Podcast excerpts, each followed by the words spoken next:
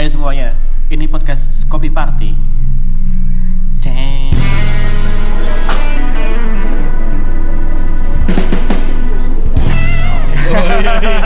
Ceng, Iya, podcast ini diambil di tanggal 1 Oktober 2019 yang mana sekarang adalah Hari Hari- Kesaktian Pancasila dan juga apaan? International Coffee Day. Oh really? Ya, Oh my god. gimana sih lu penggiat kopi? Gak ngerti gua. Lu kan patriot man, patriot. patriot, patriot. Iya iya. Negara iya. ini butuh patriot. Iya. Dan para pekerja butuh kopi. para pekerja butuh kopi, tapi juga para pekerja nggak bisa sampai kantor kalau KRL-nya telat terus. Oh, itu karena demo. Demo, tapi yang Lebih apa-apa. enak demo masak daripada demo ngerusuhin orang. Tapi nggak Ya apa-apa kan? man, itu apa bentuk dari demokrasi kan ya? Iya.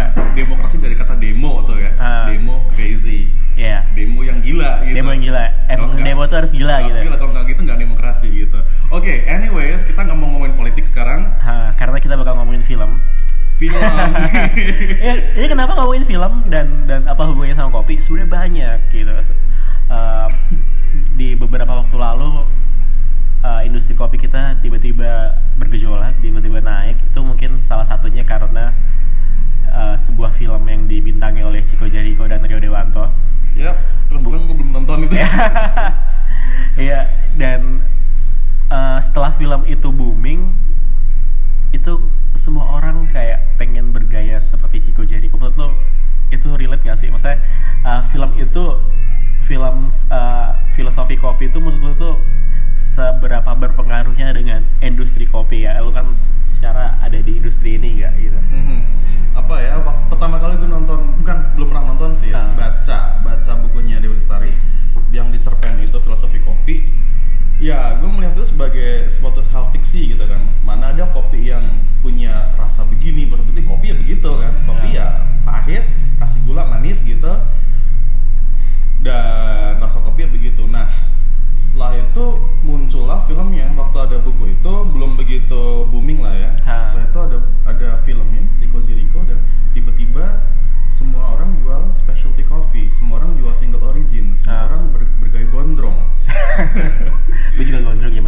哈哈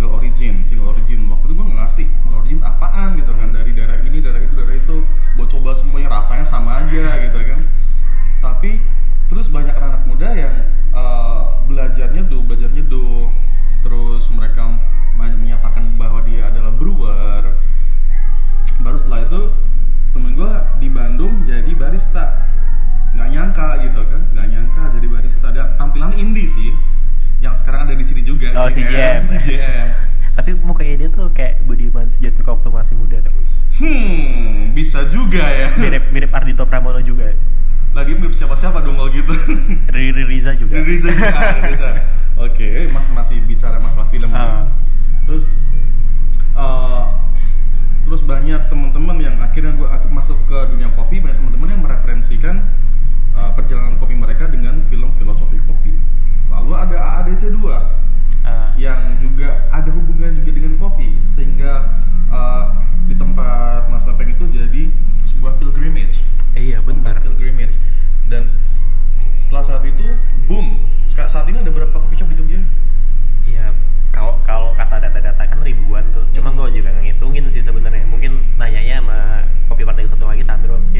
Ya, Sandro. distributor gitu kan. Iya dan bisa dilihat sih apa setiap jengkal Jogja itu ada coffee shop which is good Ah, jadi popularitas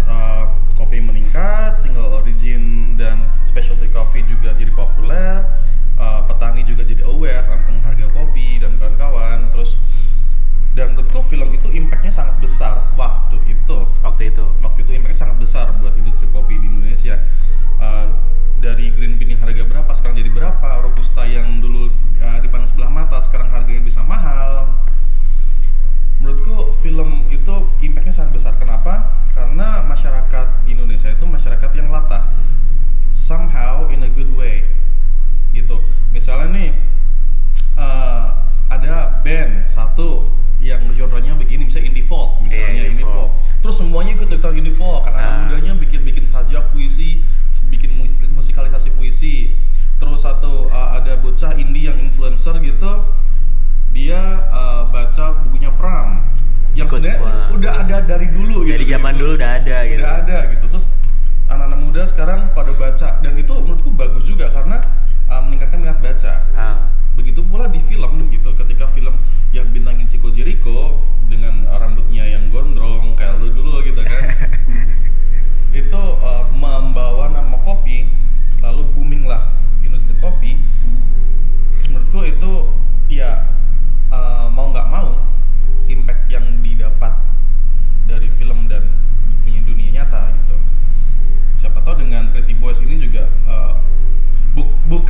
banyak trendis cuman meningkatkan awareness Iya. masyarakat tentang LGBTQ begitu iya dan juga pertelevisian ya. Bel bel televisian juga nah kita berbicara tentang film nih ya Ah. kita nggak bicara tentang televisi ya Iya. karena uh, apa pun yang kita omongin kalau tentang televisi itu obsolete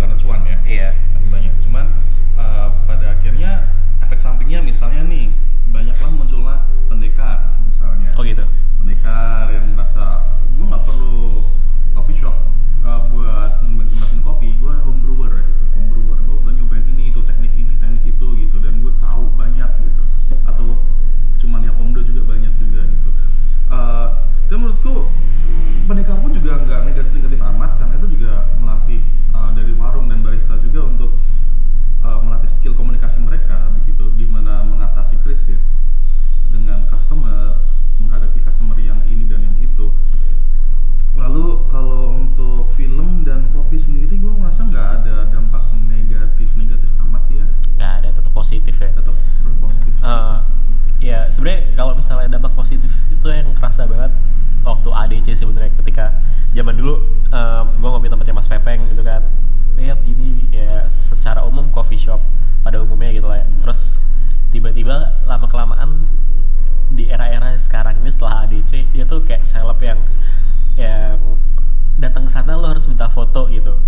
Dan beberapa kali gue lihat ada tour and travel yang datang ke sana buat tamu jadi oh ya Iya. ini objek wisata ya. Dan itu itu bagus menurutku Iya, maksudnya- it's good for both sides gitu. itu tuh uh, ngebuat kasanah baru di di pariwisata Jogja kalau misalnya sekarang. Lu juga bisa wisata selain wisata budaya gitu wisata kopi. Wisata kopi ah, coffee shopnya banyak wisata kan? napak tilas. Napak tilas. Napak tilas ADC Iya, Asli, bener ada lu iya. pernah lihat waktu itu brosurnya itu napak tilas ADC ada destinasi wisata yang satunya ada di uh, klinik Klinik. gitu. Ah, dan menurut gue itu wow. Itu karena Jogja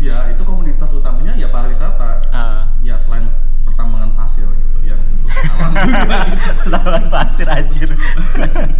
Ya, ya, ya pariwisata dan uh, banyak menjaring yang domestik juga di di Jogja ini. Dan kopi ketika jelas jadi salah satu tujuan wisata akhirnya dampaknya ke coffee shop coffee shop lainnya. Mereka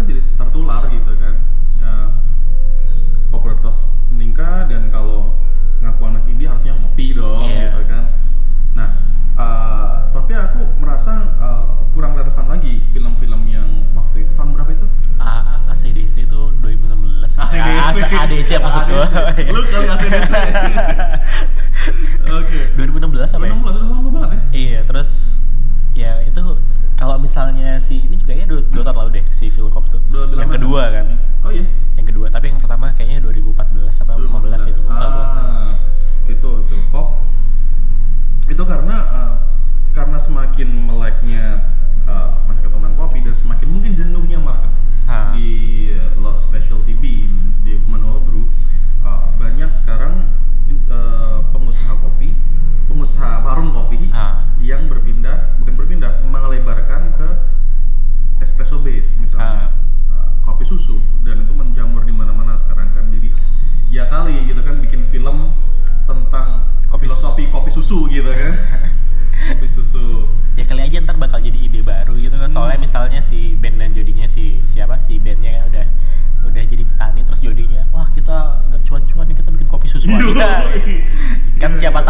kan ya Iya. eh tapi kalau misalnya lu, lu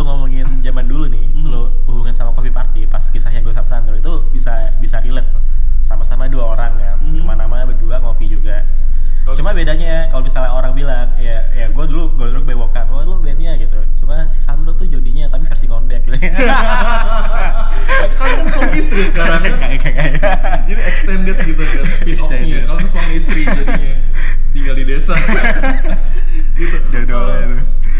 Terus ngomong tentang kopi susu tadi, menurutku em, itu juga hal yang bagus juga. Ya, mungkin kan mungkin ya Ah. ada yang melihat ini sebagai sebuah eh, bisnis viral, Iya. di mana akan cepat naik dan cepat hilangnya juga. Tapi buktinya espresso base kopi susu misalnya cappuccino, latte dan sebagainya dari Ah. tahun berapa, udah 100 tahun juga masih on aja gitu kan, masih ada aja. Cuman yang eh, masyarakatnya ini tergantung. Nah, dari sini gue belajar bahwa ternyata mar- market di Indonesia tuh gampang banget dibentuk dengan budaya populer. ah itu kayak kata ERK tuh pasar bisa diciptakan Pasar bisa diciptakan iya, sama betul. pacar bisa diciptakan Waduh, pasar kayalan kali. Iya, pasar bisa diciptakan. Nah, kalau misalnya lo bilang itu budaya populer, lo setuju nggak kalau misalnya film-film kayak uh, ADC terus filosofi kopi itu tuh ngebentuk pop culture yang baru gitu? Ya, iya, gue setuju.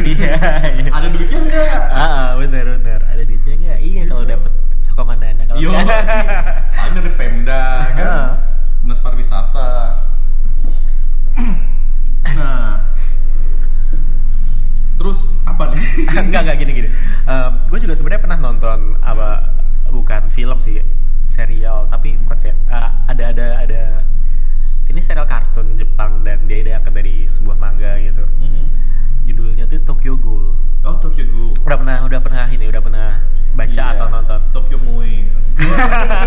jadi ceritanya tuh itu adalah eh, sesosok orang bentuknya manusia gitu tapi dia kanibal dia cuma bisa makan daging manusia gitu Mhm. Eh, dia kalau misalnya makan apa pun Mhm. kecuali minum air putih dia Hmm. ngerasa mual terus nggak bisa makan gitu enek gitu Hmm. rasanya satu-satunya minuman yang bisa dia minum itu cuma kopi Ah. jadi latar belakang latar belakang di serial itu mereka buka coffee shop dong Ah, dan oke. model-model itu manual brewing gitu eh Japanese Japanese yang uh, ada es batu di bawah terus dia pakai filter gitu Ah, oke. lo harus cari deh itu itu kayak menarik sih buat ini Menarik. Juga kemarin gue ke Gramedia tuh ada beberapa mangga yang membahas mem- mengangkat tema kopi juga kayak Ah. misalnya ah, kok coffee something apa barista whatever Ah. gitu kan yang jelas tapi biasanya itu kopi cewek ya? iya iya serial cantik gitu lah Ah. serial cantik ya kalau serial hentai gue baca Ih, waduh Bible Black tuh bagus tuh nah em, tapi menurutku yang selama yang aku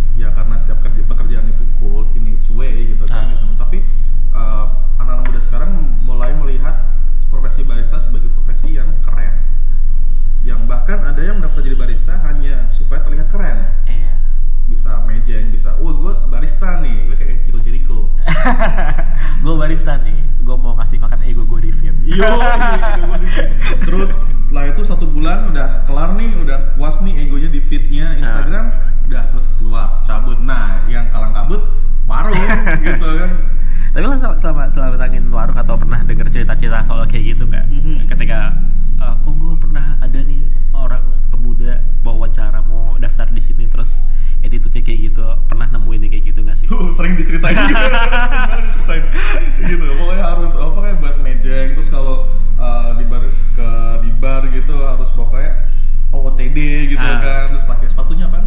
fans fans gitu hmm. tapi uh, itu aku apresiasi dengan positif ya ha. karena anak muda sekarang sudah melihat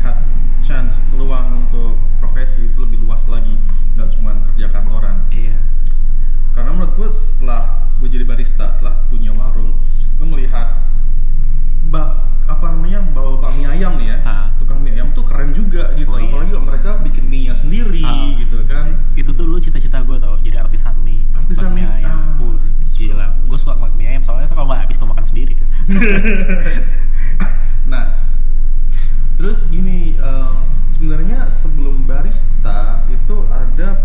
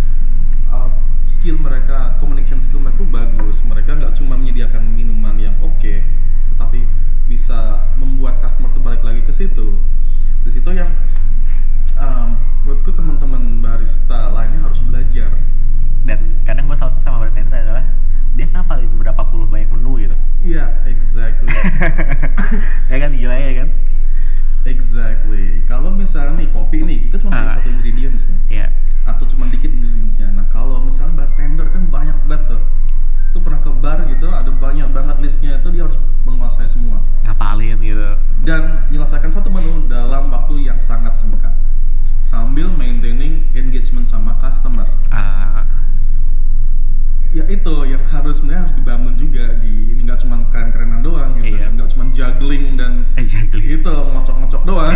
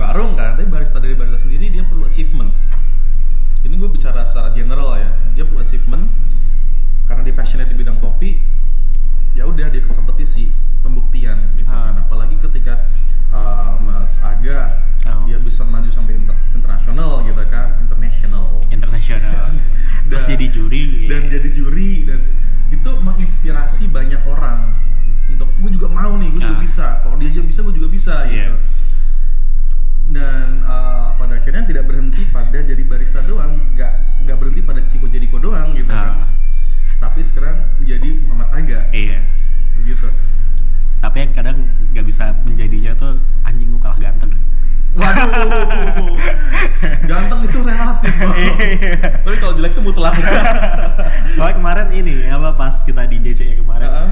ada mbak mbak gitu gue segenggam lewat ih ganteng banget anjir gue pada memandang gue apa ya? Over pede nih. Tapi emang lu ganteng sih oke okay, nggak bisa dipungkiri itu nggak bisa dipungkiri. Apalagi kalau ini brewokan gondrong gitu oh, iya. kan. Iya. Ih, gila. Itu image Chico Jericho kalah lah lewat lah jauh. Asli. Ya gitulah. Iya yeah, banyak om om yang deket ntar itu dari segi film. Dari segi film. Ya itu juga sih karena dokumenter tuh eh, apa pun selain ah. dokumenter nah. juga film-film feature lainnya itu pasti punya impact tersendiri pada pemirsanya. Salah satunya memotivasi. Ya ketika ada yang nonton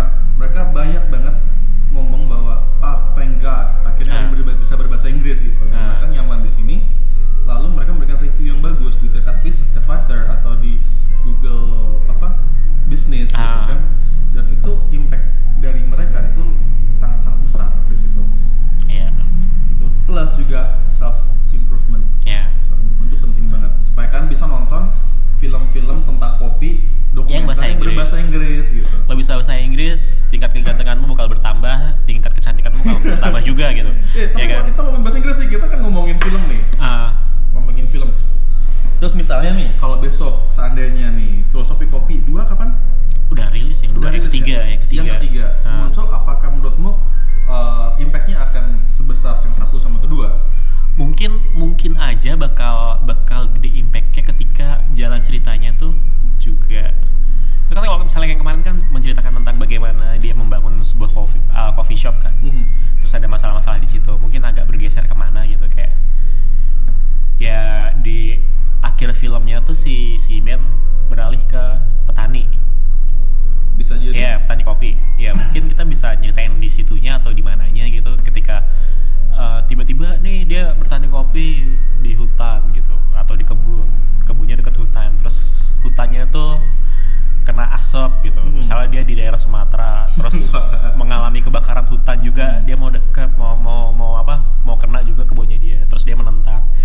ada ada konflik-konflik lain yang bisa bisa kita kita taruh di situ yang sebenarnya dampak dampak ke masyarakat luasnya itu bakal lebih ada juga Hmm. gitu. Mungkin itu bisa bisa jadi sih atau ya Kalau arahnya ke situ ya. ah, Nah, tapi kalau misalnya arahnya nih ke akhirnya dia jadi petani kopi dan merebranding bahwa petani Kop. kopi itu adalah Keren. gitu. Lalu menurutmu itu bakal memberikan mimpi palsu buat para petani-petani atau calon-calon petani kopi? enggak sih. Enggak juga. sih. Karena gini, karena gini apa?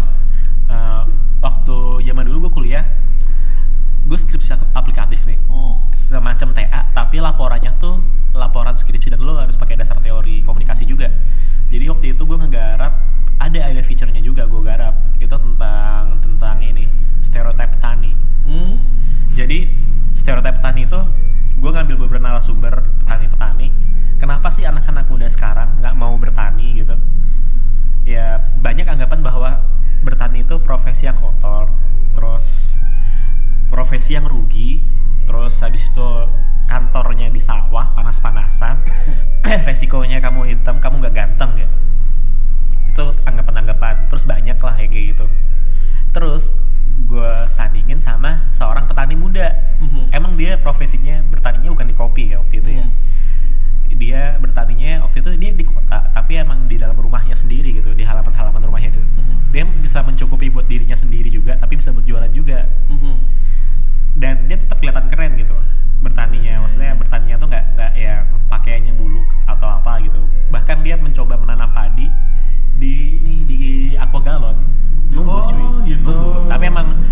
baru praktek doang belum bisa di Aplikasikan. aplikasiin Apa? belum bisa banyak kan karena soalnya bertani padi kan butuh waktu lama gitu Mhm. Betul betul. Dan itu dia bisa menghasilkan dia sempat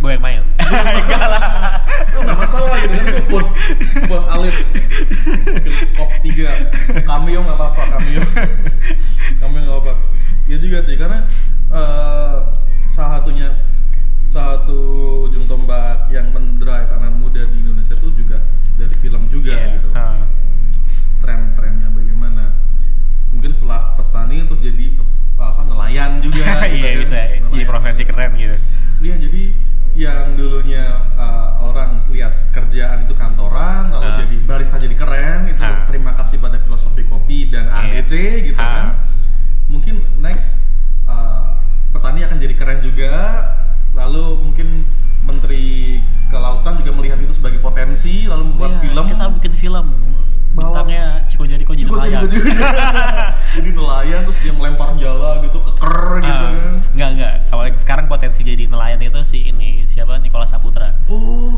Aquanus coy. Aquanus. Bentar aja ah gue masih awkward sama nama itu anjing. Oh, kan mungkin setelah ini dia gue gak tahu ceritanya gimana tapi yang yang jelas kalau dia ada hubungannya sama laut laut mungkin bisa jadi profesi lain atau apa gitu kan. Gue juga gak baca komiknya ya kan. Oh, iya, bisa jadi iya, kan iya, setelah ini wah dia sebagian nelayan yang ganteng yang keren gitu. Mukanya gak hitam hitam tapi putih gitu kan. Iya. Karena dia pakai nivea. Longnya apa nivea dia? Eh apa? Gak tau lah ya? yang men gue nggak pernah pakai ini sabun buka soalnya. Oh iya. Pakai sabun biasa ya buat buka. Tapi masih oke okay kok gitu uh, oke okay. tolong penekanan pada uh, di pemisahan di aqua nus ya, ya aqua